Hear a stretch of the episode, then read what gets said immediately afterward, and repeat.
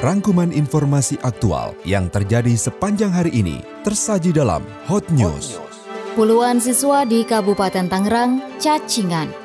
BKN sebut soal tes SKD CPNS tahun ini lebih sulit. Kalender MotoGP 2020 resmi dirilis. Bersama saya Oki Nuryanti, inilah Hot News. Selengkapnya setelah Traffic Info.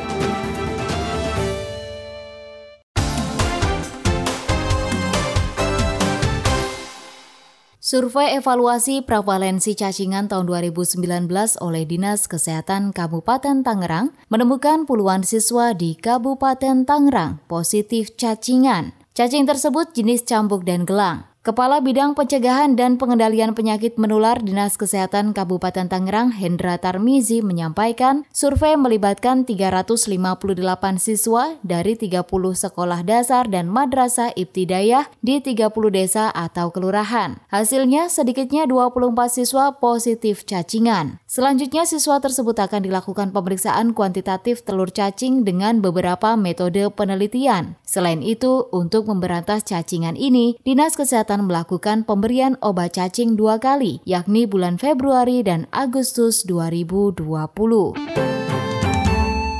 Guna mencegah terjadinya banjir, Rumah baca sahabat pena di Kampung Alang Besar, Desa Keboncau, Kecamatan Teluk Naga, membuat biopori atau lubang resapan air. Pendiri rumah baca sahabat pena Sri Mulyo mengungkapkan bahwa saat ini banjir sering terjadi. Salah satu penyebabnya adalah sistem drainase yang buruk dan kondisi lingkungan yang sudah sangat padat, sehingga semakin berkurangnya daya serap air oleh tanah. Untuk itu pihaknya mensiasatinya dengan membuat biopori dan selain berfungsi berfungsi untuk mengurangi genangan air, lubang resapan biopori ini diharapkan mampu meningkatkan luas bidang resapan menjadi 40 kali lipat, mengurangi sampah organik, dan membuat tanah menjadi lebih subur. Untuk sementara pihaknya baru membuat 10 biopori berdiameter 30 cm dengan kedalaman 1 meter yang ditanam di sekitar halaman rumah baca sahabat pena.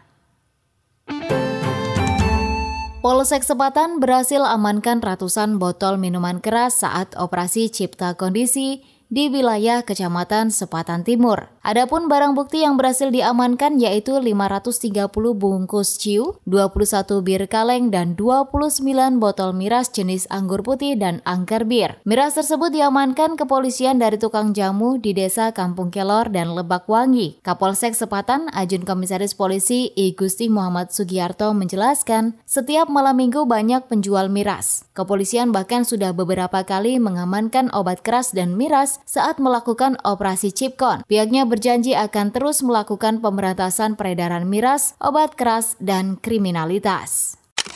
BKN sebut soal tes SKD CPNS tahun ini lebih sulit. Selengkapnya setelah selingan berikut ini.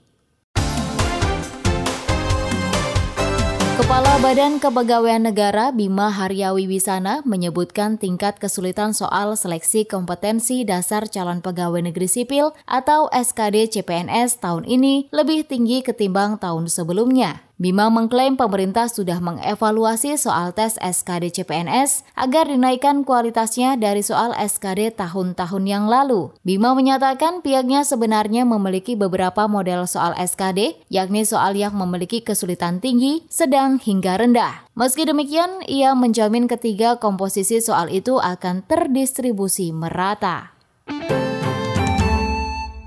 Presiden Joko Widodo telah menaikkan peraturan pemerintah nomor 4 tahun 2020 tentang tata cara pengangkatan ketua dan anggota Dewan Pengawas Komisi Pemberantasan Korupsi. Dalam belai tersebut menjelaskan bahwa pengangkatan Dewas KPK harus melalui panitia seleksi. Pada pasal 4 menjelaskan kewenangan Presiden membentuk pansel untuk mengangkat ketua dan anggota Dewas KPK. Pansel itu berjumlah 9 orang yang terdiri dari lima orang unsur pemerintah pusat dan empat orang dari unsur masyarakat. Pansel bertugas mengumumkan penerimaan calon anggota dewas, melakukan pendaftaran, mengumumkan nama-nama calon, hingga menentukan nama calon yang akan diangkat.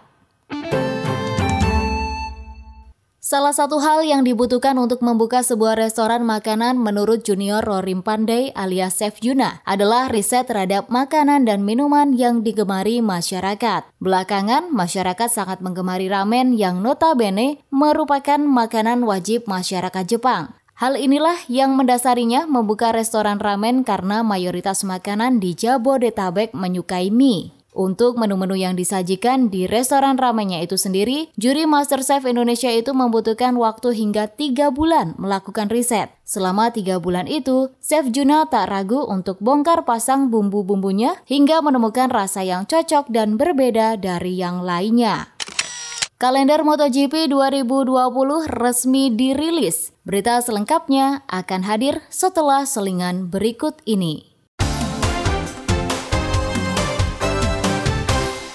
Dorna akhirnya merilis kalender resmi MotoGP 2020. Tak ada perubahan signifikan kecuali masuknya seri baru, yakni MotoGP Finlandia. MotoGP Finlandia akan tetap dihelat di Ring setelah beberapa bulan lalu sempat diragukan karena belum memenuhi standar circuit homologation. Debut Finlandia sebagai tuan rumah MotoGP pada 12 Juli. Selain Finlandia, yang juga mendapat kepastian menjadi tuan rumah MotoGP musim ini adalah Republik Ceko. Sama seperti Finlandia, Ceko terancam dicoret sebelum mengunci tanggal 9 Agustus sebagai perhelatan balapan. Untuk seri tidak ada perubahan drastis kecuali MotoGP Thailand yang akan dipindah ke seri kedua pada 22 Maret atau dua pekan setelah seri pembuka di Qatar. Deru mesin MotoGP 2020 akan resmi dimulai pada 8 Maret di sirkuit Losail dan akan ditutup di Valencia 15 November.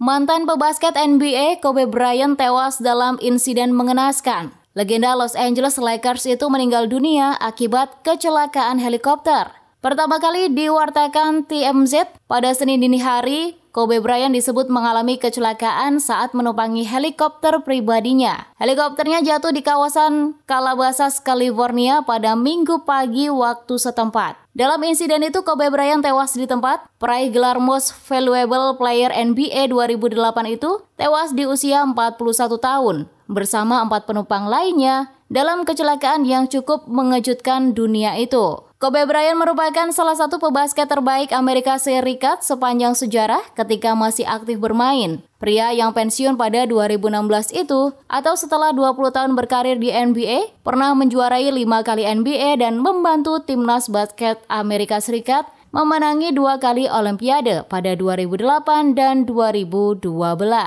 Neymar merasakan duka yang mendalam atas meninggalnya Kobe Bryant. Ia mendedikasikan gol keduanya ke gawang Lille untuk mendiang legenda LA Lakers tersebut. Neymar sendiri saat kecelakaan menimpa Bryant terjadi tengah berlaga bersama Paris Saint-Germain menghadapi Lille di Stade Pierre Mauroy pada pekan ke-21 Liga Prancis. Mengetahui kabar Bryant meninggal, Neymar kemudian mendedikasikan gol keduanya di laga tersebut untuk legenda LA Lakers tersebut. Pemain asal Brazil ini berhasil memborong dua gol ke gawang Lille untuk membawa PSG menang 2-0. Saat mencetak gol kedua lewat titik putih, Neymar melakukan selebrasi dengan memberikan isyarat dengan tangannya yang menunjukkan angka 24.